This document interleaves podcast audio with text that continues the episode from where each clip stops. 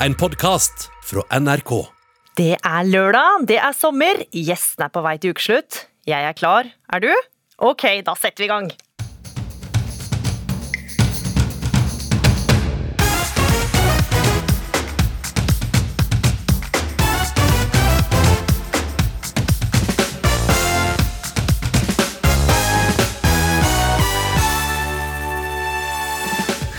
Sinne etter at Uefa satte foten ned for stadion i regnbuens farger.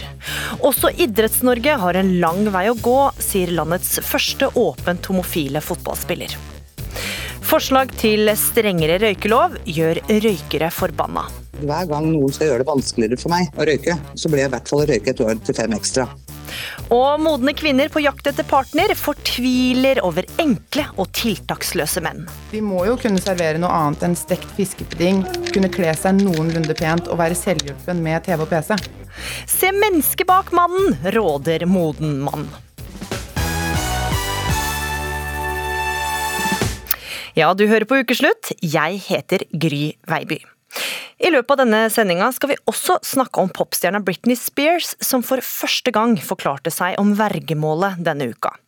Jeg fikk frysninger da hun bekrefta mine verste mistanker, sier fan.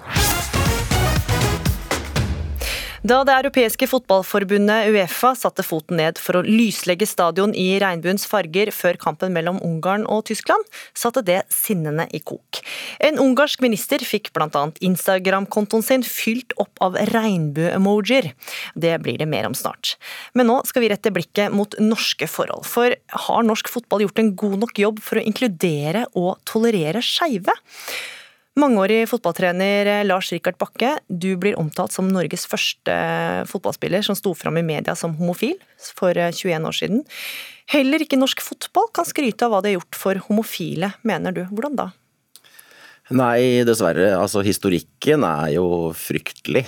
Eh, og det har den jo vært helt siden Norges idrettsforbund fikk den såkalte homofobprisen i år 2000. Eh, og Norges fotballforbund fikk den samme homofobprisen i 2005.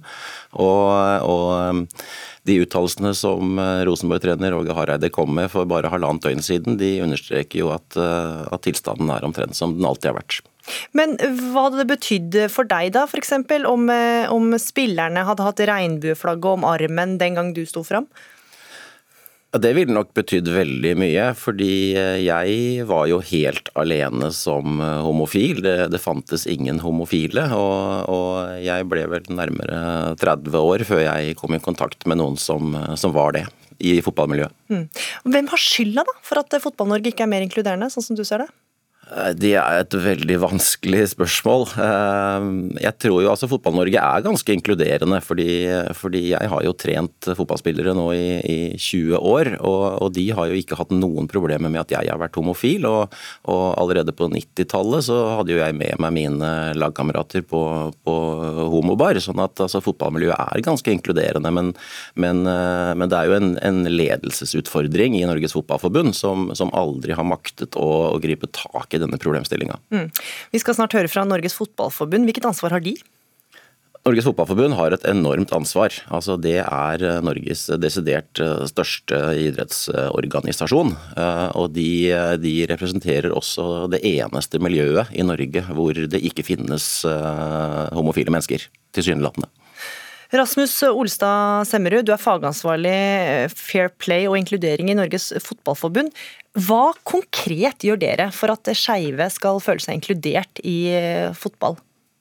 Ja, først og fremst må jeg jo si meg helt enig med Lars Rikard at vi har et veldig stort ansvar um, i fotballen og fotballens kraft og fotballens størrelse.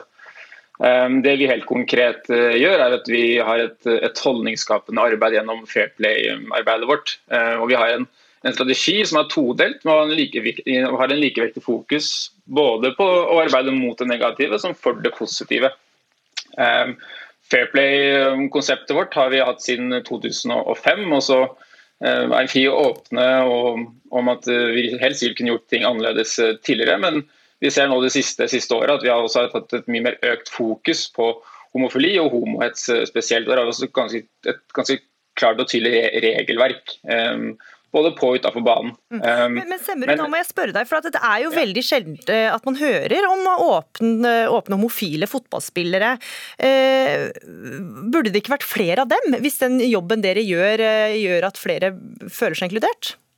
Jo da, det er helt sikkert uh, homofile mannlige fotball, fotballspillere. Um, og vi ser på reaksjonen som dommet og Harald Hagen fikk i, fikk i fjor, så er jo det utelukkende utelukkende i hvert fall veldig positivt. Um, og vi hører også Som også sto fram uh, som homofil? Ja, i, i, fjor høst. Og som Lars Rikard sier også, så opplever han også en, et inkluderende fotballmiljø. Uh, og vi var litt inne på, eller Du nevnte skyld, og jeg tror ikke vi skal dele ut noe skyld, men her har alle et ansvar, både vi som forbund og klubber og lag, uh, om å sette dette på agendaen og snakke høyt om det. og Da er det også veldig positivt å se at det nærmest et samla fotball-Europa nå måtte står opp både av menn og kvinner og landslagstrenere landslagsspillere mot, uh, mot den siste ukas hendelser med, med et regnbuefarget Allianz Arena. Mm. Lars Rikard Bakke, det er jo lenge siden du sto fram, og mye kan jo ha endra seg siden den gang. Er det ikke lettere nå, tror du? Um, jo, jeg tror det ville ha vært lettere, og det, det viser jo uh, Tom Harald Hagen bl.a. Men, uh, men det er jo dessverre veldig lite som har endret seg i Norges Fotballforbund. Uh, Rasmus skal ha rett i at i, i, dag ligger ute på nettsidene bl.a. enkelte saker som er skrevet i 2018. men dette, dette kommer jo som et resultat av at jeg og en liten gjeng andre eh, med ganske mange års mellomrom har blitt kalt inn til et møte i Norges Fotballforbund hver gang det er en ny ansatt som, som ønsker å gripe tak i dette. Mm. Men Norges Fotballforbund som organisasjon og ledelsen i Norges Fotballforbund har jo aldri grepet tak i dette. Og alltid ligget litt i bakkant, sånn som du ser det? De er drevet fra skanse til skanse og har jo, har jo fått et enormt eh, renomméproblem uh, i, i, den jobben som de dessverre ikke har klart å gjøre. Mm. Semmerud, du nevnte denne stadion i München med regnbueflagget. Det, eh, dette har dere sagt at dette, dette skal dere følge opp, og dere har skrevet et brev. Hva står i det brevet? Kjernen i brevet var at vi oppfordrer Uefa til å godta at stadion blir lyst opp, eh, og at vi er helt uenige og dette er et politisk spørsmål. Eh, dette er et spørsmål om verdier og respekt og handler om grunnleggende menneskerettigheter. I det brevet skal vi også uttrykke for at vi ikke håper at finalerundene flyttes til Ungarn, sånn som det har vært diskutert med det bakteppet denne saken har, har skapt. Um, I tillegg så i tillegg til dette brevet så markerte vi og tok et ganske tydelig standpunkt også på sosiale medier, som også har blitt lagt merke til internasjonalt, bl.a. hos den internasjonale supporterorganisasjonen. Og Jeg vil bare også si til det Lars Rikard sa, at vi har jo over, over flere år, både NFF sentralt og kretsene våre, deltatt i bl.a. lokale og nasjonale pride-markeringer. Eh, vi, vi, markerer pride hele juni på sosiale medier og på nettsidene våre, også med konkret innhold, ikke bare endring av bilder. Eh, ferskt eksempel fra denne uka hvor eh, spillerutvikler Espen Kirkenes fra Vestfold åpner et nomineringsmøte i landslagsskolen, altså 12-16-åringer, med å fokusere på akkurat dette her og snakke om en, en åpen, inkluderende fotball. og Sånn har vi det hos oss. Eh, og så er det ikke bare at vi skal ha fokus på dette i, i juni, men vi har fokus på dette gjennom hele året. Mm. Blant men, men må vi også, du skal få slippe å dra hele lista, Semmerud, men vi snakka også om Åge Hareide, som gikk ut tidligere denne uka og sa at man ikke skal bruke idretten til ting som kan oppfattes politisk. Og Dette har som du sier også mange i Fotball-Norge tatt avstand fra. Men bør den uttalelsen få noen konsekvenser, mener dere i Norsk Fotballforbund? Det er, eh, altså, Rosenborg sa jo det ganske, ganske fint, at dette er noe som Åge Hareide står for eh, selv. Og så har han jo gått tilbake på dette ordet propaganda. Eh, men samtidig så må det være en takhøyde i fotballen for hvor skal grensa gå når vi snakker om politiske markeringer. Og så er vi uenig i at pride er en politisk markering, det handler om grunnleggende menneskerettigheter. Men vi må ha en, altså at det er en debatt om hvor hvor grensen skal gå her på hva som er innafor og utafor av politiske markeringer, det, jo, det, må vi jo ønske velkommen. Og så kan man være enig eller uenig i det. Mm, Bakke. Uh, Åge Hareide representerer jo uh, toppen av norsk fotball. Og, og um, og det er klart at han, han, gikk tilbake og beklaget bruken av ordet propaganda, men, men han, han, står jo for en holdning som han uh, har stått for hele livet, sånn jeg forstår det. Han har jo hatt uheldige uttalelser også tidligere, og han mm. sier det altså også 24.6.2021. Uh, så jeg syns jo han slapp veldig billig unna med denne beklagelsen sin. Nå er ikke Åge Hareide her til å svare på det, men Rikard Bakke helt til slutt, tror du på bedring i norsk og internasjonal fotball? Ja, det er jo en bedring, og, og spesielt eh, internasjonalt. Jeg tror jo, altså Tyskland er jo nevnt her, og jeg tror jo det finnes eh, mange land som ligger langt foran oss. Altså Premier League var tidligere ute med dette regnbuekapteinsbindet enn det man klarte i Norge, til tross for at, eh, at fotballen fikk et innspill om nøyaktig det.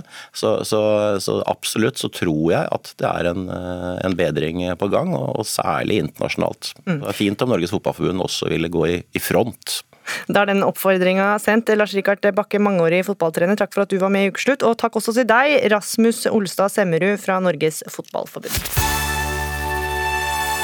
En ungarsk ministers Instagram-konto våkna virkelig til liv denne uka. På en konto som vanligvis ikke får så særlig mye respons, strømmer nå kommentarfeltet over av regnbuens farger. Alt etter at eh, Uefa sa nei til å lyse opp fotballarenaen i regnbuens farger eh, under kampen mellom Tyskland og Ungarn på onsdag. Men en fotballfan klarte å storme banen med et regnbueflagg under Ungarns nasjonalsang. Hør bare her. Der kommer han springende, og du ser vakta.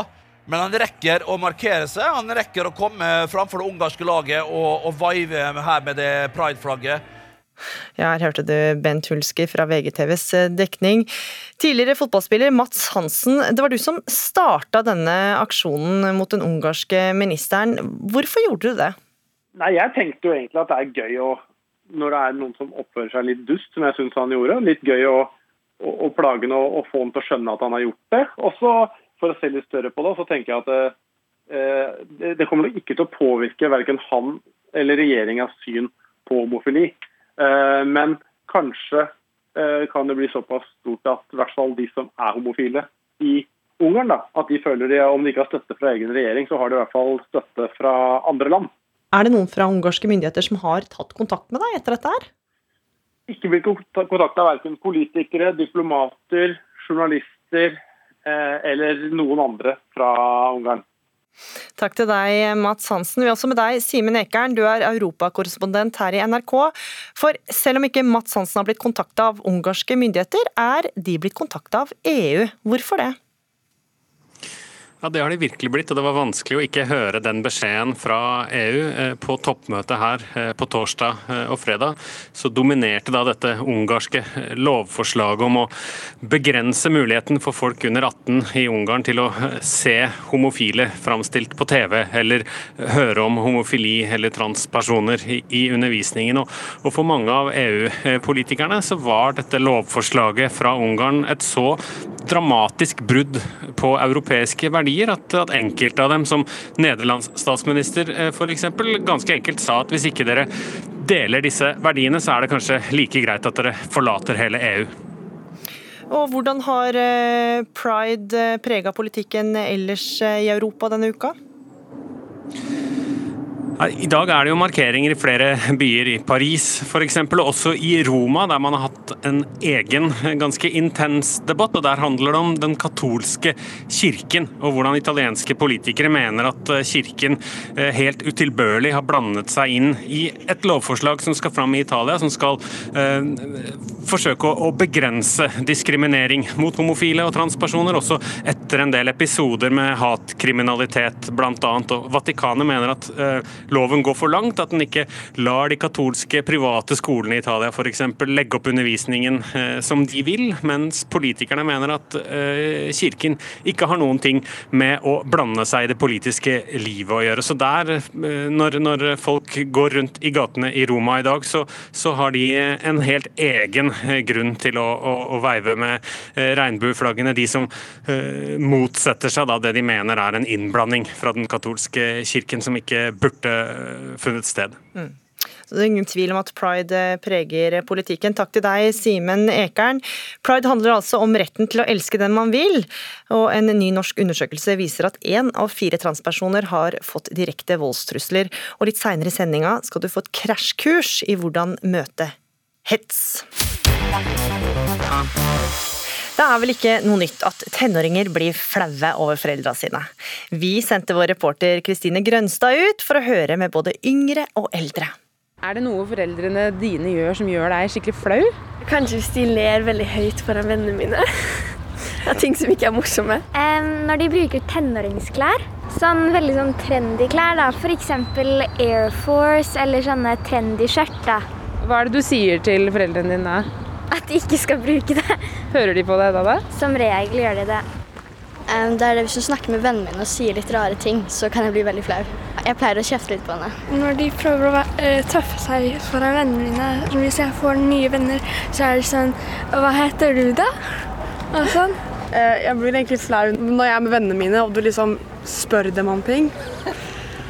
Og når du ler Jeg regner med det er forbigående, for jeg blir ikke så flau over mammaen min lenger.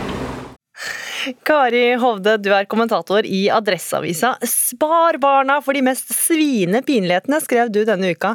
Hvorfor denne utstrakte hånden til eh, tenåringen?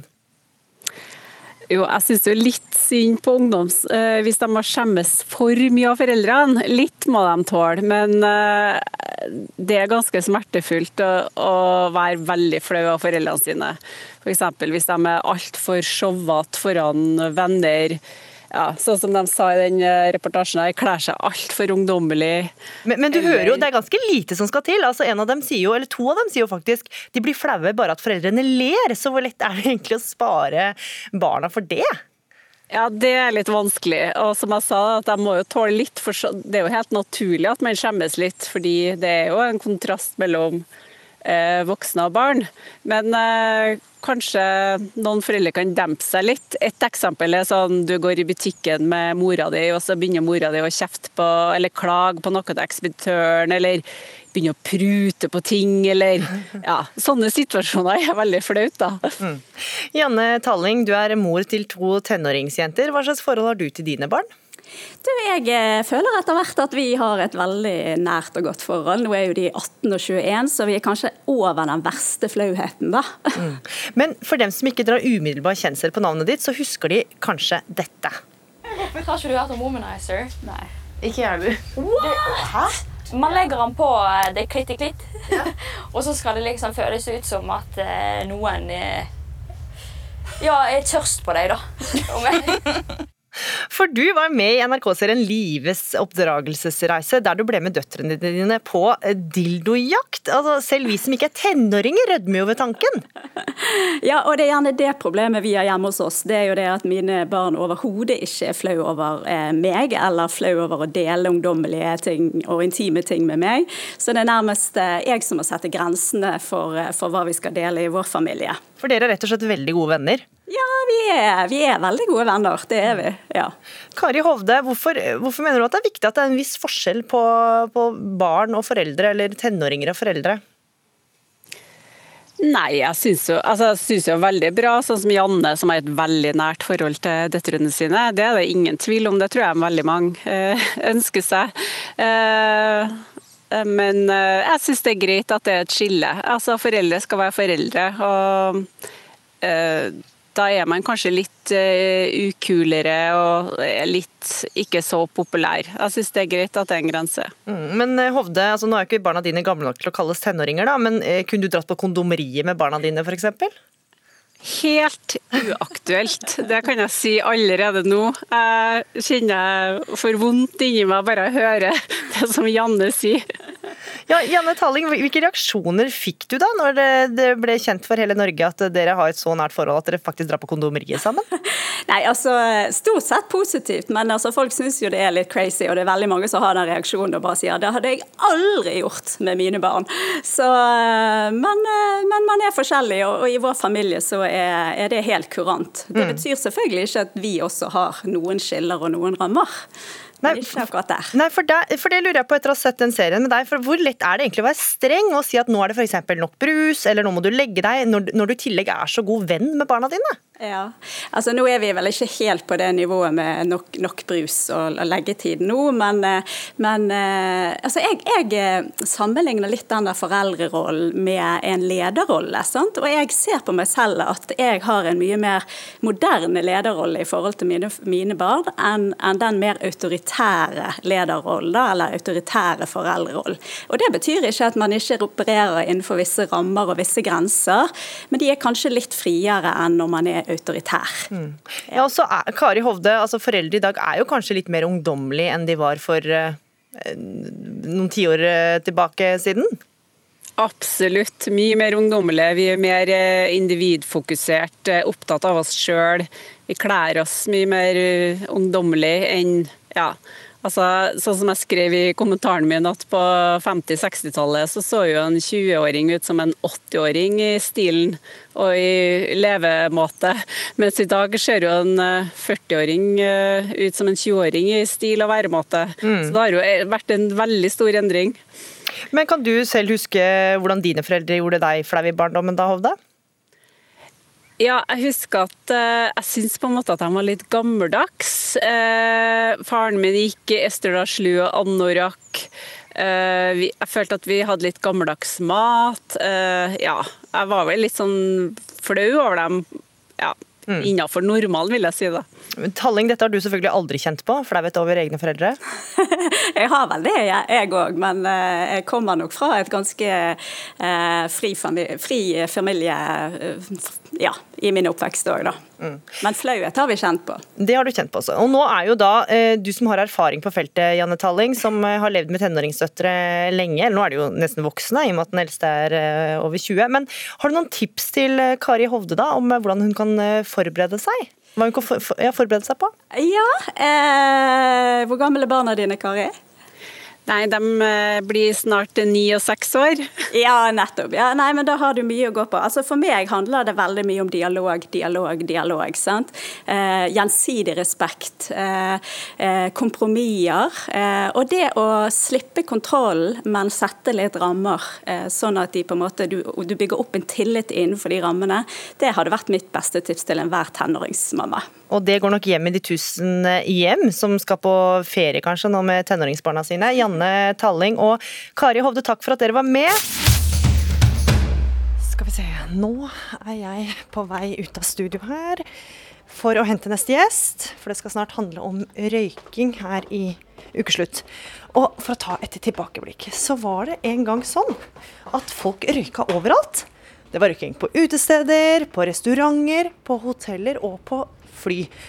Men litt etter litt så ble røykernes rett til å ta seg en blås hvor som helst innsnevra. Så inngripende mente folk at røykeloven var at helseministeren på den tida, Dagfinn Høybråten, ble utsatt for drapstrusler. Og nå er jeg ute her. Er det Steffen? Hei, der står du. Steffen Sørum her i sola. Hei John. Eh, du har jo da ikke en røyk i hånda? Jeg har ikke en røyk i hånda akkurat nå, nei. Men det ville du hatt eh, for noen år siden. Hvor mye røyka du før røykeloven kom, trådte i kraft? Du, På det meste så røykte jeg eh, 40 om dagen. Og da ville dette her, mens du venta på å bli henta, vært et naturlig sted å ta seg en blås? Det hadde det absolutt. Mm. Og så skal du nå snart eh, inn i en debatt. og Hva ville røykeren Steffen Sørum sagt om han visste at du er her for å tale, eh, tale for å snevre mer inn? Jo, så Det var jo røykeren Steffen som sluttet å røyke også. Så eh, det er jo en, en måte, endring i vanene. sant? At vi, vi, går med på en del endringer i samfunnet som etter hvert blir normalt. Det er jo det som også har skjedd med røykeloven. Det var jo pussig og plutselig ikke skulle få lov å sitte inne på pub og ta en, en røyk. Det var jo helt sykt. Så jeg passet på å slutte før den loven trådte i kraft, for å slippe å være den stakkarslige ute i novemberregn i Stavanger.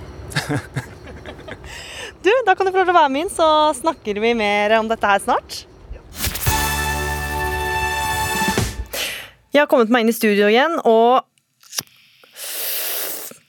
hadde jeg vært programleder for Ukeslutt for 30 år siden, så hadde jeg kunnet tenne meg en røyk her nå.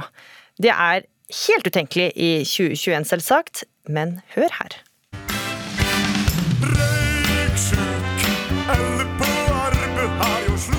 Røyk er på vei ut, det er det ingen tvil om. Så eh, vi har truffet trenden med denne loven. Jeg må spørre da, Har du noen gang prøvd å røyke? Nei, jeg har bare vært passiv røyker, men det har vært ille nok. Vi, vi må jo kaste mye på fortet for at vi skal røyke. Men det røyken denne gangen, liksom. Hva blir det neste?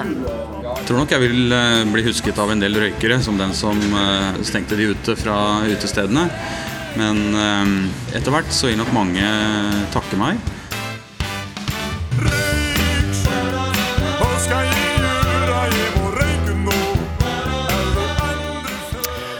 Nå ønsker regjeringa å gjøre det enda vanskeligere å røyke. De vil forby røyking i busskur, på lekeplasser, idrettsarrangementer og i bil hvor det sitter barn, blant annet. Anni Skogman, du er kommunestyrerepresentant i Tromsø for Frp, og røyker. Hvor skal du røyke nå? Ja, det kan du jammen lure på. Eh, nå er det sånn, nå lever jeg og bor alene, og sånn, så jeg kan jo faktisk fortsatt røyke inne hos meg sjøl. Eh, men så er det også sånn å si at eh, ja, jeg røyker, eh, men jeg vil i så fall ikke bli noe særlig berørt av de nye begrensningene. bare så det er sagt. Så jeg prater også ikke for min syke mor. Men, men gjelder... for dere røykere, da? Nå får de færre steder å røyke. Hva syns du om det? Nei, Jeg syns det er overformynderi på nytt. Jeg syns det er egentlig helt bak mål. Jeg prøver å leve etter min frihet stopper der andres begynner. Og nå skal vi altså bare forby alt vi ikke liker. Etter hva jeg forstår, så er det altså ca. 9% av Norges befolkning som røyker. Og de 9% tar vanvittig mye hensyn, uansett hvor de er. Fordi at vi hele tida blir sett Kall det sett ned på, da. Mm. Eh, og dermed så tar man også veldig, veldig mye hensyn. Så jeg, jeg, skjønner ikke helt hvorfor dette overformynderi skal på nytt ut igjen. Det er nesten så jeg lurer på om eh, Altså alle vet jo at det å røyke ikke er sunt. Eh, men det er jo en eller annen grunn for at noen av oss gjør det. Og det er litt sånn, Ja, vi gjør det, kan kanskje være dumt, men å bli sett på som dum er nesten litt sånn som jeg oppfatter at dette her blir nå. Vi skal snakke med en som tidligere var en medrøyker av deg, nemlig deg, Steffen Sørum. Du er forfatter, og jeg må også for ordens skyld nevne at du er lokalpolitiker for Rødt i Oslo. Hva syns du personlig om de nye forslagene til røykelov? Altså, først må Jeg si at jeg har jo vært røyker, så jeg har et ganske avslappa forhold til både eh, røykere og røyking. Eh, men jeg syns jo det er spennende, de nye reglene, fordi de gjelder jo ikke å avgrense for røykeren, men det er jo å avgrense skaden du påfører andre. Og her er det jo hovedsakelig barn. Mm, men så hører du her, eh, som Anni Skogman sier, hun tar mye hensyn. Det gjør mange røykere også. Så trenger man virkelig disse, dette, dette nye forslaget? Altså Forbud mot røyking i private biler er et av forslagene. Og Hvis man røyker i privat bil med barn, tar man da hensyn? Dette er jo på en måte en forlengelse av en ganske lang prosess. fordi røykeloven, Den røykeloven vi tenker på, altså når jeg sluttet, det var i 2004. Men røykeloven startet jo mye tidligere enn det. Altså Vi må jo tilbake til 1988. Og det var stor ståhei, Anni Skogman. Men røykeloven fungerer jo. Andelen dagligrøykende menn har gått ned fra over 50% til omtrent, omtrent 10% Så vil ikke dette tiltaket også gjøre at det, det blir færre røykere? Det er jeg litt usikker på. Jeg håper jo inderlig at ikke folk er laga som meg. Fordi at hver gang noen skal gjøre det vanskeligere for meg å røyke, så blir jeg i hvert fall å røyke et år til fem ekstra.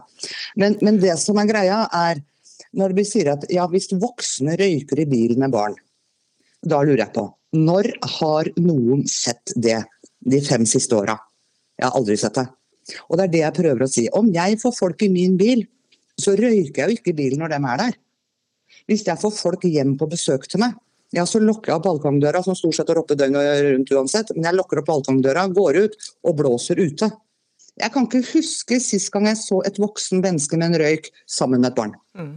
Ja, og Det lurer jeg da på om Sørum kan fortelle meg sist ja, gang Sørum, Hvor ofte ser du det? At folk røyker foran barna sine, eller eh, tar seg en sigg mens de venter på bussen i et busskur? Ja, altså jeg, jeg, ser det ofte. Ikke så ofte som før, men jeg har jo sett det i løpet av våren nå. Um, både barn som sitter i bil der foreldre røyker. Um, men det er jo Om jeg ser det eller mannen har sett det, er jo ikke det som er poenget her. Her er det jo fagpersoner, fagmennesker, som har sett at dette er utrolig skadelig. Altså Det å røyke inn i en bil, altså det tar bare ett minutt før den bilen er fulgt opp med helseskadelige stoffer. Så det er jo helt greit, det her er vi jo enige og Hvis man er enig om det, skal, hva, er skaden da med å ha en lov? Det ser ikke jeg. Mm. Det, det, har jeg lyst til å svare på. Eh, fordi at vi kan ikke et mitt hode, vi kan ikke forby alt vi ikke liker. Hvis jeg kom med en påstand, så sier jeg, jeg altså, og det er fant Kristant òg, jeg drikker ikke brus av forskjellige årsaker. Og jeg liker ikke brus. Og så vet vi at det er en del sukker og sånn som ikke er lurt for oss. og sånn. Skal vi da begynne å forby å drikke brus fordi at noen ikke liker det? Og enda verre, det er noen astmatikere som har problemer med parfyme. Skal vi nå forby at folk skal bruke parfyme? Altså, det er jo for det første helt andre ting, men det vi har lover og regler på bilbelte, redningsvest og hjelm f.eks. Ja, og, og det er en Men ting, det kan men, du men et annet, en annen ting det er f.eks. alkohol. Det er f.eks. for eksempel lov å drikke i samme rom som barn hjemme, f.eks. Og Steffen Støre hvorfor er da røyking verre? Nei, altså forskjellen på, Til julaften da, så prøver man å si at man skal unngå å begrense alkoholinntak, for det er skadelig for barn. og Det er ikke fordi det er direkte skadelig, for de er ikke passive alkoholikere. Men så Hvis vi hadde dytta inn litt whisky i barna til julaften, så hadde jo selvfølgelig barnevernet kommet. Og Sånn er det med passiv røyking også. Man får det i seg, men noe man ikke ønsker å få i seg. Eh, Og Når det gjelder parfyme, så er det jo flere og flere steder, bl.a. tannleger, helseinstitusjoner eh, videre, som sier at når du skal komme til oss, så må du ikke ha parfyme fordi vi har allergi- allergikere. Så vi tar jo hensyn. Eh, Og, og, og Anni Skogman, altså, eh, røyking går jo ut over andre. Altså, blant annet barn da, som blir, eh, får passiv røykning dersom det er en voksen som røyker. Er det ikke da viktigere at, eh, at barna blir skåna for det, enn at de voksne får tatt seg en røyk? Jo, det kan du egentlig gjerne si. Men igjen, så er det veldig sjelden jeg ser voksne folk røyke sammen med barn. Og når vi snakker om at, ja, vi snakker om at du helst ikke skal bruke parfyme her eller der. Sånn er det jo med røyking i dag. Vi får jo snart ikke lov til å røyke et eneste sted. Nå skal det også være helst slutt på å røyke i egne soner på en uterestaurant. Altså, eh, vi har snart ikke noe sted å røyke. Og da er jo hele greia mi. Jeg har følgende utgangspunkt. Dette er altså en lovlig omsatt vare i Norge. Og hvis dette er så forferdelig, så er det vel like enkelt som det er vanskelig. Det er bare å forby å kjøpe røyk i Norge, da. Det er ulovlig å omsette røyk i Norge. Så kan dere lage alle de lovene dere bare vil. Men så lenge det er et lovlig produkt solgt og kjøpt i Norge, så må det altså være noen steder det må være lov til å bruke det. Og så er det faktisk sånn at folk flest har ganske mye sunt bondevett. Heldigvis. Og Det er derfor jeg ikke skjønner at vi skal ha det overformynderi som denne eventuelle loven blir. Mm. Og helt til slutt, eh, Steffen Sørum, det snakket, ble snakka her om ting som eh, man går tapt ved, ved å slutte å røyke. Og da du slutta å røyke, så hva skjedde da? Da også mista du noe. ja, altså Jeg er jo forfatter, og jeg har jo vært voksenbokforfatter. og mitt, mitt forhold til røyk det er jo en belønning, og det er sikkert Anne enig om. altså Det å kunne ta seg en blås, det var en del av det belønningssystemet. så Jeg, jeg var jo vanlig vant med å sitte og jobbe og skrive og røyke mens jeg så over manus og, og koste meg med det. Eh, Og Etter jeg har sluttet å røyke, så har jeg faktisk ikke skrevet en voksenroman siden. da, Så om- jeg har mistet det pga. sigarettrøyking, det kan godt hende. da. Mm.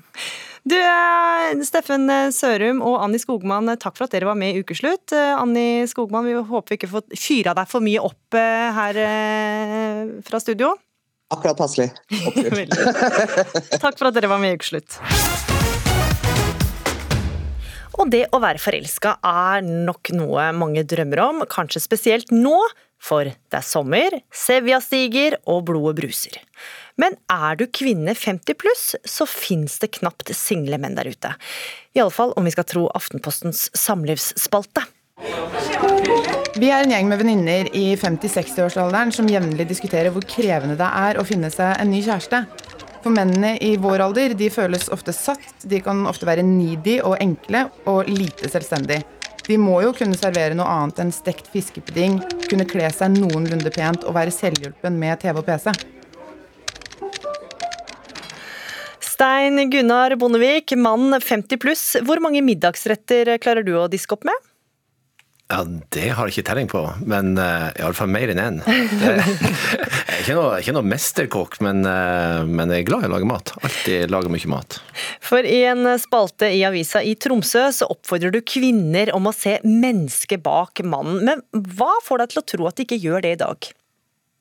Nei, altså eh, Jeg skrev jo en, en kommentar basert på de eh, tingene som hadde stått i Aftenposten. Da. Eh, Det var jo en, en, en serie som har gått i hele vår, og det har jo vært egentlig ganske underholdende. Eh, Men, men det, var, det var interessant å, å, å se at man hadde sånn, Man satte på trykk en kravliste som var, som var ganske lang, som var ganske spesifikk, og som gjorde at jeg begynte å lure på altså, hva er altså, Ser man på mennesket her, eller ser man på, på de skal vi si, attributtene som, som kommer med? eh, Utdanning eh, og hvordan man kler seg, og hva man, hva man kan og hva man gjør, men ikke hvordan man er. Så, Så, så damer på din alder er kanskje rett og slett litt for kravstore? Det er fristende å, å, å, konkludere sånn eh, etter å ha lest eh, de der, de der, eh, de der spaltene, at om, om, det er kravstor, eller, men, men, men, kanskje litt for spesifikk. Jeg vet da søren, altså. Kanskje senke skuldrene litt. Jeg vet ikke, jeg. Dora Toralsdottir, du er familieterapeut, 47 år. Hvor kravstore syns du kvinner på din alder er? Jeg syns ikke at kvinner er så veldig kravstore. Fordi jeg opplever at eh, Nå skal det sies at jeg faktisk har inntil nylig vært singel selv i noen år. Eh, og kjenner mange på min alder, og har hatt mange også på terapirommet. Og det som har vært denne spalten over tid, representerer jo frustrasjonen til utrolig mange kvinner. Mm. 45 pluss Eh, så dette her tenker jeg er veldig utbredt. Og det å bli beskyldt for å være kresen eller kravstor syns jeg blir litt urettferdig. fordi at du snakker om en du skal dele livet med, og en du skal tilbringe enormt mye tid med. Og det å føle at du er sammen med en oppegående person Jeg tror at disse eksemplene ble tatt opp som bare for å vise at jeg har lyst til å være sammen med en annen voksen mann, ikke mm. en jeg skal være moren til. Egentlig var det som var kanskje budskapet, mer enn at det sitter en og huker av på en sånn liste på at det er godkjent og det er ikke godkjent. Å ja, det var for lite huking av disse, så han er uaktuell. Jeg tror det er eksempler på oppegående menn som man respekterer og tenker på som likeverdige og likestilte, mer enn at det er så jeg syns ikke det er så kravstort. Du skal tilbringe masse tid med et menneske som du gjerne vil like å være sammen med. Mm. Og da tror jeg dette var eksempler. Ja, og, og Bondevik, altså De eksemplene vi har lest i den spalten og også hørt her, så er det jo da menn som har et repertoar bestående av én ferdigrett på menyen. De klarer ikke å logge inn i nettbanken. Og så hvor lett er det da å se mannen dersom man blir en slags mamma framfor en likeverdig kjæreste?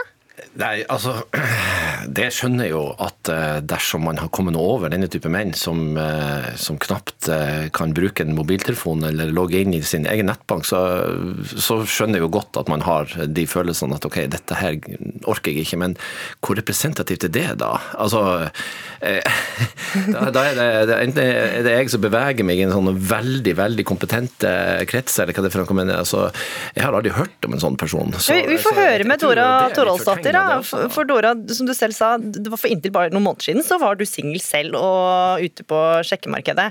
Hvilke eksempler har du? Altså, Fins det mange av disse mennene der ute? Ja, eh, jeg tenker Jeg har lyst til å legge fram tre grunner til at jeg tror dette er ganske utbredt. Og det jeg har lyst til å begynne med å si, er at det er jo kjempeskummelt tema, dette her. Fordi at det, føles så kjipt å generalisere og skjære en stor gruppe over en kam, liksom, og si at sånn er menn og sånn er kvinner. Det er jo superrisikospart. Eh, og veldig fare for å tråkke og såre andre mennesker. Så jeg har ikke noe ønske om det. Men samtidig så tenker jeg også at det er noe med å våge å si litt tingenes tilstand. For dette er utrolig utbredt. En generell frustrasjon hos veldig mange single kvinner. Ja, sånn i 50-årene, slutten av 40. Um, fordi at veldig mange menn i den samme alderen de går ned i alder. ikke sant? Så, så, veldig oppegående, kjekke, single menn de velger gjerne yngre kvinner. Og da er de som er igjen Og det høres veldig sånn kjipt å ta det som en sånn sekkebetegnelse, de som er igjen. Jeg har bare lyst til å si noen ting om hva jeg tror er grunnen til at disse kvinnene ikke er like gira på å ha de mennene. Fordi at jeg tror at vi undervurderer veldig rollemodellene våre. Da vi vokste, vokste opp, så så vi gjerne på mor eller far ut ifra hvilket kjønn vi er. Og eh, dagens 50-åringer har jo eh, fedre som var født på 1930-1940-tallet. De er dagens 50-60-åringer. Og de hadde jo et annet kjønnsrollemønster i sitt uh, hjem.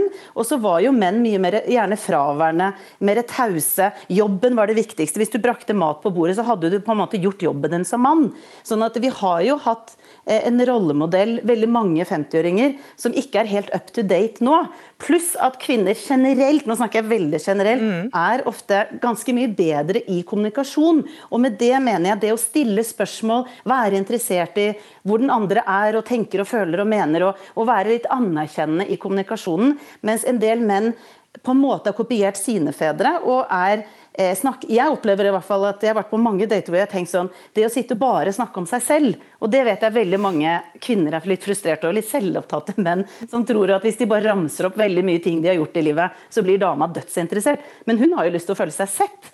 Sånn at det er litt sånn mismatch med kommunikasjonen. Det handler mye om rollemodeller og det å sitte litt fast i kanskje et gammelt kjønnsrollemønster, hvor du forventer at kanskje kvinnene skal gjøre alt hjemme eller veldig mye, eh, som er gått ut på dato, rett og slett. Og så har jeg lyst til å toppe det hele med en ting til som jeg akkurat har funnet ut av, som jeg syns er så interessant. Mm. Er det greit? Mm, ja, gjør jeg føler jeg snakka veldig lenge nå. Jeg skal bare ta, ta, denne delen nå. For jeg har et show til høsten om overgangsalder, for jeg nærmer meg og vet ingenting. Så nå har jeg lest meg opp masse på overgangsalder. Og en ting jeg syns er veldig interessant, som har noe med dette å gjøre, er at når kvinner kommer i overgangsalderen, gjennomsnittet er 52, eh, så går østrogenet ned. Og det østrogen gjør bl.a., er å sette inn et ekstra gir på omsorg. sånn at at vi kan være der for barna våre, ofre oss for, på en måte for barna. Og Så går østrogenet ned i overgangsalder, og da blir kvinner mye mer opptatt av å realisere seg, gjøre ting de har lyst til. Og så er eh, menn, da går testosteronet ned, og det det viser seg hvis du spør en slags definisjon da, på hva er egentlig mannens, mannens, overgangsalder, så er det at de setter seg i godstolen og blir der. Det er et sånt bilde på at eh, energinivået går ned, sexlysten går ned, og liksom initiativ. Eh, så veldig mange menn i, og kvinner i 50-årene er på veldig ulikt sted. At veldig mange menn blir litt gubbete på en måte og melder seg litt ut. Jeg sier mm. ikke alle, for all del. Mens kvinner er liksom nå skal jeg opp og ut og oppleve verden og melde meg på alle mulige kurs. Og, så, så, vi er sånn på Vi krasjer litt, da. Mm. Eh, ofte i 50-årene. I tillegg, på toppen av alt, liksom. Men Stein Gunnar Bondevik, nå er jo ikke du en av disse mennene, siden du både kan lage flere middagsretter og og, og, ikke kjenner deg helt igjen i beskrivelsen. Men vi har med en liten sånn eh, ekstragjest her. Ved din side så sitter Benedicte Bull. Hun er vanligvis kjent som ekspert på Latin-Amerika. Men det siste året så har du vært kjæresten til Stein Gunnar Bondevik. Hvor vanskelig var det å se mennesket bak mannen, sånn som han foreslår at man må gjøre? Ja, jeg er jo selvfølgelig med inn i studio bare for å passe på at denne mannen ikke sier noe han ikke burde ha sagt. Men eh, vi er egentlig på vei til hytta. Han eh, Nei, det var jo veldig enkelt uh, umiddelbart. Altså, mennesket tøt ut av alle porer og i bisetninger, og til og med ut av skjorta. Og det må jeg jo si var noe av det som eh, jeg syns var litt fint. At det spratt med en skjorteknapp, og det håndterte han helt fint. Og jeg tenker litt av dette her som Vi har jo snakket litt om denne serien, vi også. Eh, som, som, jeg også har reagert litt på, det er nettopp det at det virker jo som en litt sånn veldig sånn eh, spesifikke krav. og jeg tenkte litt at nå har Vi vært gjennom pride, en prideuke hvor, hvor vi har prøvd å lære oss å være litt rause, og alle har rett til å bli elsket for den de er, og elske dem de vil. Men så, på den annen side, så er liksom datingmarkedet veldig opptatt av spesifikke krav, og det er liksom markedsspesifikasjoner fra A til Å.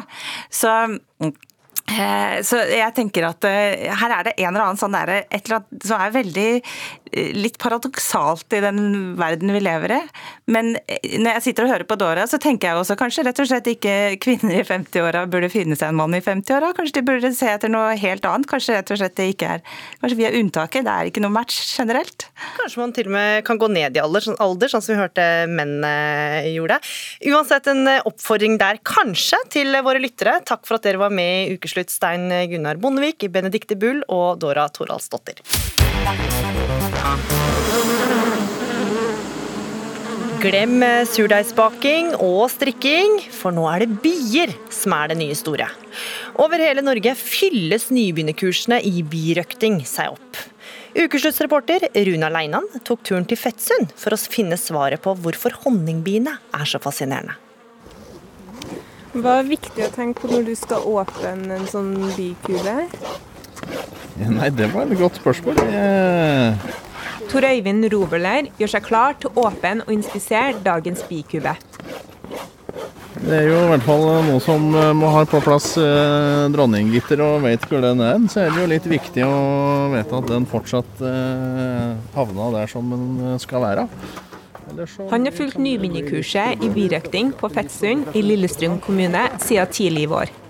Tanken om å drive på med birøkting er ikke ny. Jeg har en tante som driver ganske stort. Eh, og Der har vi jo kjøpt en del honning ifra, så tenkte jeg at dette her må jo gå an å drive med sjøl. Og så langt trives de veldig godt med den nye hobbyen. Utrolig eh, fascinerende, disse små vesenene som eh, kanskje for folk flest er mest til pest og plage. Så komplisert det samfunnet, det hadde jeg egentlig aldri klart å forestille meg. Stadig flere ønsker å gjøre som Tor Øyvind Roberle. På noen år har antall medlemmer i Norges birøkterlag nærmest dobla seg, og flere lokallag opplever stor pågang rundt nybegynnerkursene. Det er noe kursleder i Fettsund, Svein Heggedal, kan skrive under på. Ja, vi har kjørt dette noen år nå. I år turte vi ikke annonsere det, fordi det var så mange påmeldte før vi skulle annonsere, så vi hadde fullt kurs. Men Hva er sånn typiske nybegynnerfeil? Det ikke feil, men det er mange spørsmål. Er det dronninga? Det er en bie som er litt større enn de andre, men det er veldig mange droner der som er litt større, og det er ikke dronninger. Og så er det da disse her dronecellene som stikker litt ut av tavlene. Er det dronningceller? Vi er litt redd for uh, at det skal bli sverming, så dronningceller er litt skummelt.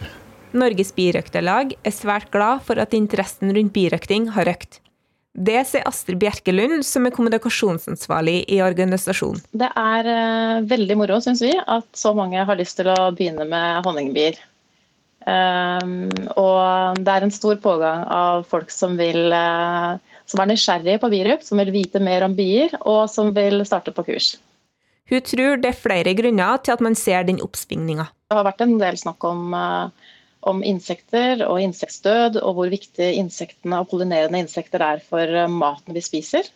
Og så er det selvfølgelig noen som vil eh, starte fordi det er en måte å samle honning og kanskje ha en eh, inntekt ved siden av annen inntekt.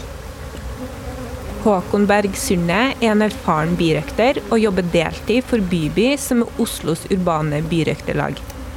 Der, der ser du en som er ved vært ute og samla pollen og har to korger på bakbeina sine som er knalloransje. knall. Oh, ja. Så, og hver enkelt blomst har forskjellig farge på pollenet sitt. Og akkurat den knalloransje der hadde jeg vel nesten ville tippa løvetann, men den blomstringa er jo over, så jeg er ikke helt sikker på hva han har vært på. Han forteller hva det er han liker best med birøkting. Det er en veldig sånn mindful eh, øvelse, egentlig. Jeg glemmer all fornemmelse av tid og sted når jeg driver med bilen. Jeg syns det er så gøy og så altoppslukende. Det er stadig vekk mye ting å lære. Så jeg tror du aldri egentlig blir utlært. Og Sunne deler sine beste tips til nye birøktere. Å lære bien å kjenne eh, når de får, dem, får sin første bikubbe, så er det da å bruke god tid og, og prøve å forstå litt samspillet og ja, egentlig livet nede i kuba. Og Bien er jo best skikka til å ordne opp på egen hånd, så å egentlig prøve å, å og forstyrre dem minst mulig. Selv om de aller fleste som driver med birøkting gjør det for å produsere honning, så er det ikke bare det honningbiene kan være til nytte for. Det sier biekspert Julie Sørli Paus Knutsen. Det er noen forskere som har trent opp bier til å lukte kreft og diabetes og tuberkulose. Så da puster mennesket inn i en sånn stor glassbeholder. Og så vil biene da, hvis de lukter eh, en av disse tre sykdommene, så vil de fly inn i et spesielt rom. Eh, og da vet man at her burde vi, burde vi gjøre flere undersøkelser. Da. Er det også mulig å trene opp hjemme? Ja, det skal, skal være mulig med nok eh, innsats. Det letteste er bare å hver gang humlen lukter hva nå enn du har for hånden, så gir du de sukker. Og En studie fra Nederland fra mai i år fant ut at honningbiene også kan lukte korona. På nybegynnerkurs i Fettsund synes Tor Øyvind Robøller at det å trene opp bier til å varsle om korona kan være en god idé. Det er klart at det her eh, kjenner jeg at eh, gründeren eh, bruer seg med når jeg hører det. Men jeg tror nok den honningen Jeg har nok med den enda, i hvert fall. Og når kubene er inspisert og lukka og birøkterkurset går mot slutten, så skrives dagens observasjoner ned i ei lita gul bok. Så du noe unormalt i dag? Eh, nei, de gjorde for så vidt ikke det. Vi venta vel på at den eh, nye dronninga skal begynne å legge egg. For det var ingen eh, nye egg, men eh, kun gammel eh, forsegla yngel. Og som belønning for dagens harde arbeid, så kommer kursleder Svein Heggedal med en liten, søt overraskelse. Honning rett fra kuben. Dette er belønning etter hardt arbeid. Oi, du, det der er jo litt stor. Litt for stort. Kan ikke få sukkersjokk heller. Nei. Det er heftig. Wow, ja, det er det. Det er heftige greier. Ja. Veldig. Se for deg at du er på vei hjem, det er en eh, mørk kveld, og så ser du det kommer en eh, gjeng gående mot deg. Og så hører du spørsmålet Er du egentlig gutt eller jente? Luka Dalen Espseth, har det skjedd deg? Ja, det har det. For det er rett og slett ikke uvanlig at transpersoner får kommentarer og hets kasta etter seg. Blir kalt ekkel, blir kalt uh, misfoster, uh, blir kalt uh, avstøtende. Jeg har blitt slått ned fordi jeg var trans. Jeg har blitt drapstrua, har blitt seksuelt trakassert. har blitt spytta på byen, blitt banka. Noen som sikkert hadde sett meg i en artikkel eller på internett eller fant ut at jeg var trans, og slo meg ned pga. det. I en ny levekårsundersøkelse har det for første gang blitt dokumentert hvordan transpersoner egentlig har det her i landet vårt. Der kommer det fram at én av fire har fått direkte voldstrusler. Så hvordan kan man slå tilbake på dette her? Det skal vi høre om snart. Lyden vi hørte var fra NRK-serien Ikke spør om det. Luka Dalen Espeseth, du er rådgiver i FRI og nestleder i pasientorganisasjonen for kjønnskongruens, eller PKI. Og denne uka så arrangerte dere en hatprat-workshop i anledning Oslo Pride, der eh, verktøy og selvforsvar mot nettopp eh, transfobi står i fokus.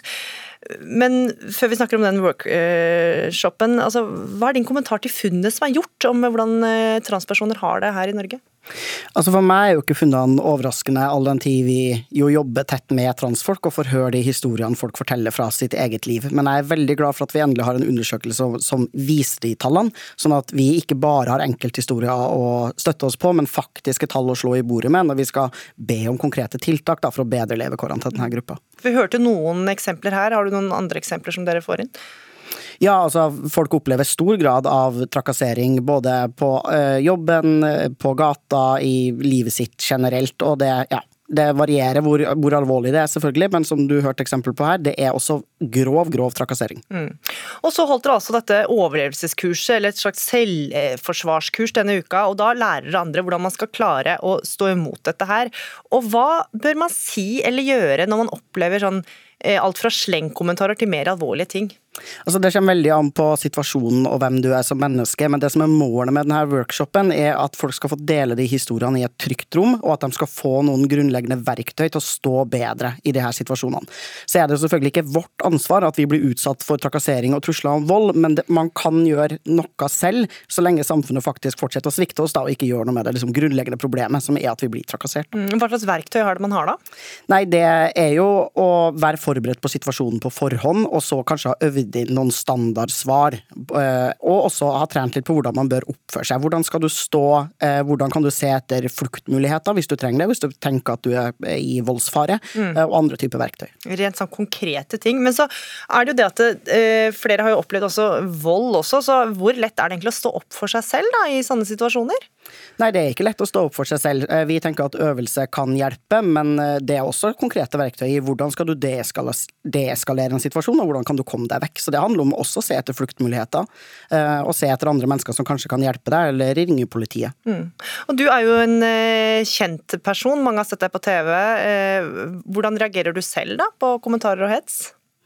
Det kommer veldig an på situasjonen. Hvis jeg tenker at jeg ikke er umiddelbar fare, så pleier jeg å svare tilbake. Hvis det er noen jeg bryr meg om, så svarer jeg på en utdannende og hyggelig måte. Hvis det er mennesker som ikke betyr noe for meg, så kan jeg svare frekt for å bevare min egen verdighet. Men hvis jeg føler meg trua, eller tenker at her er det fare for mitt liv og min helse, så flykter jeg. Altså, mm. Da kommer jeg meg ut av situasjonen.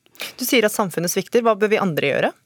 Nei, altså det er jo ikke eh, transfolk som utsetter transfolk for transfobi, det er det jo resten av samfunnet som gjør, og det er jo deres ansvar som kollektiv da, å, å ikke utsette oss for det her, men så handler det også om at staten er nødt til å gripe inn og, og gi penger til brukerorganisasjoner og andre, og, og, sette inn konkrete tiltak som kan bedre våre levekår og bedre holdningene i samfunnet generelt. Og kanskje vi alle kan følge litt ekstra med når vi er eh, på gata.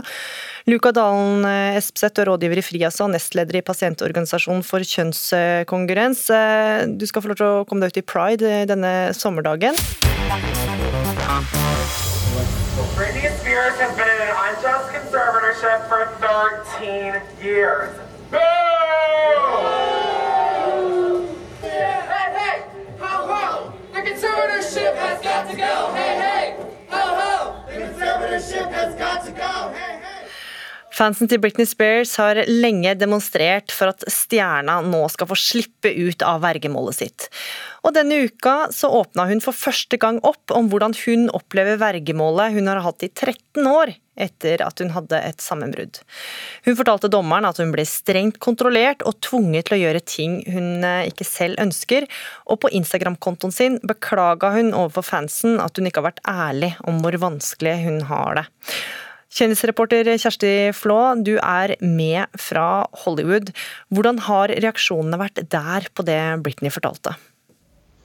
Eh, jeg var faktisk nede utenfor rettssalen på onsdag da hun kom med dette vitnemålet. Og da var det jo hundrevis av fans som hadde stilt opp, som de har gjort de andre gangene. Det har vært en høring rundt denne saken. Og folk sto liksom helt målløse. Eh, og det var jubel, og folk var sjokkerte, men samtidig så var det veldig mye lettelse blant Britney-fansen. Fordi de har jo trodd at dette har pågått veldig lenge. Eh, så for dem så ble det på en måte OK, nå endelig så forstår verden hva vi har pratet om hele tiden. For de har, ja, de har ment i mange mange år at, eh, at Britney har vært i dette formynderskapet uten, altså ikke fri vilje. Da. Mm. Så, så, nei, folk var sjokkerte og veldig glade. Fordi Britney-fansen har jo blitt litt latterliggjort også, men nå slår også kjendisene ring rundt Britney, blant andre ekskjæresten Justin Timberlake. Og hva, hva sier de? Eh, veldig mange kjendiser går nå ut og, og, kommenterer på Twitter og på Instagram og gir henne full støtte og sier at hun må fortsette å være sterk. Eh, og, og, Justin Timberlake kom jo ut med en offentlig unnskyldning allerede da denne Britney Spears-dokumentaren eh, ble vist i februar, og sa at han beklaget sin oppførsel allerede fra, fra, fra han var ung da også. Så både Courtney Kardashian og jeg tror um, skal vi se, Marie Carey var vel egentlig den første som kom ut på Twitter.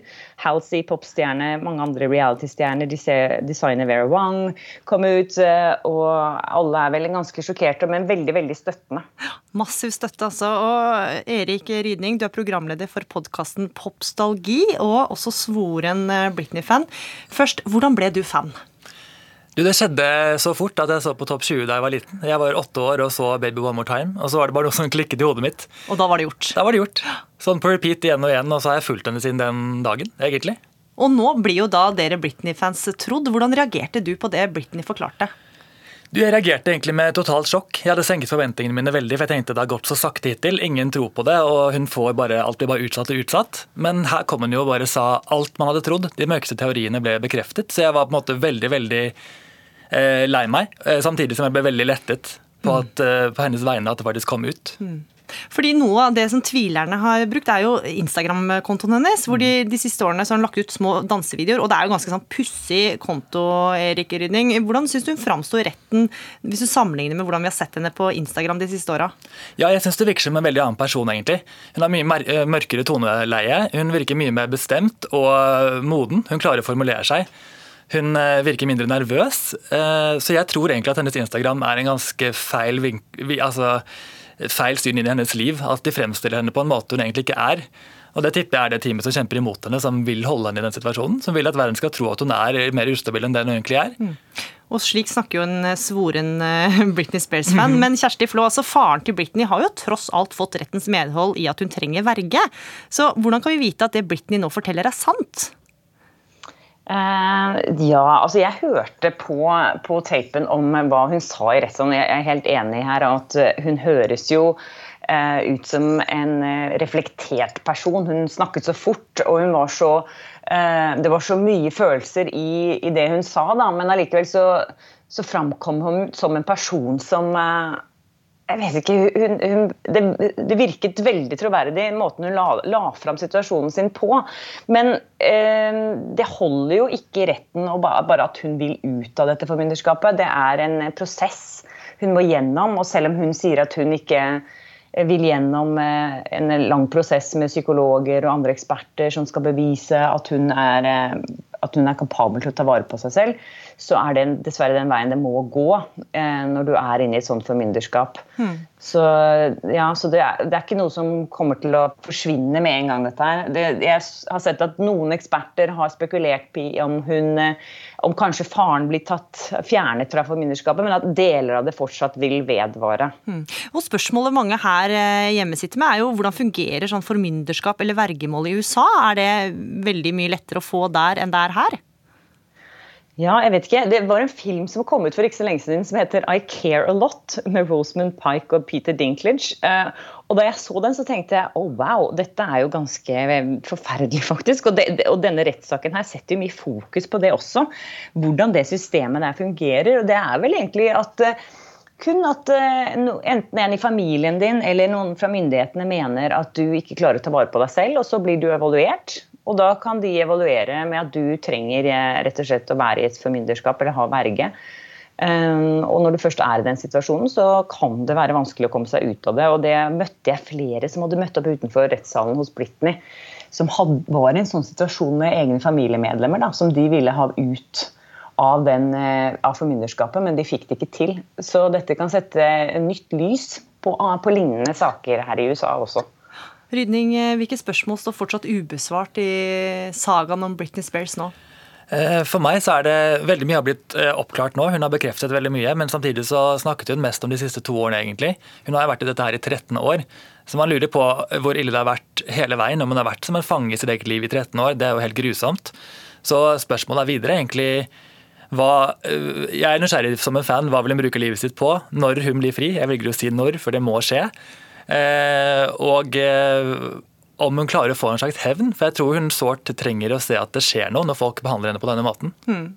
Kjersti Flå, helt kort til slutt her. Eh, når hun blir fri, hører vi her. Når kan det i så fall skje? Jeg tror nok at det kan nok skje noe innen noen måneder. Men det kan også ta opptil et år før denne saken her blir avgjort, faktisk. Mm. Tusen takk for at dere var med i Ukeslutt. Kjersti Flå, kjendisjournalist i Hollywood, og Erik Rydning, programleder for podkasten Popstalgi. Du har hørt på Ukeslutt denne lørdagen. Ansvarlig for sendinga, det var Philip Johannesborg. Det tekniske ansvaret hadde Marianne Myrhol, og her i studio var Gry Veiby. Takk for at du hørte på oss. Du kan høre på når du vil F.eks. som podkast eller NRKs nettspiller, som du finner på nrk.no. Du har hørt en podkast fra NRK. Hør flere podkaster og din favorittkanal i appen NRK Radio.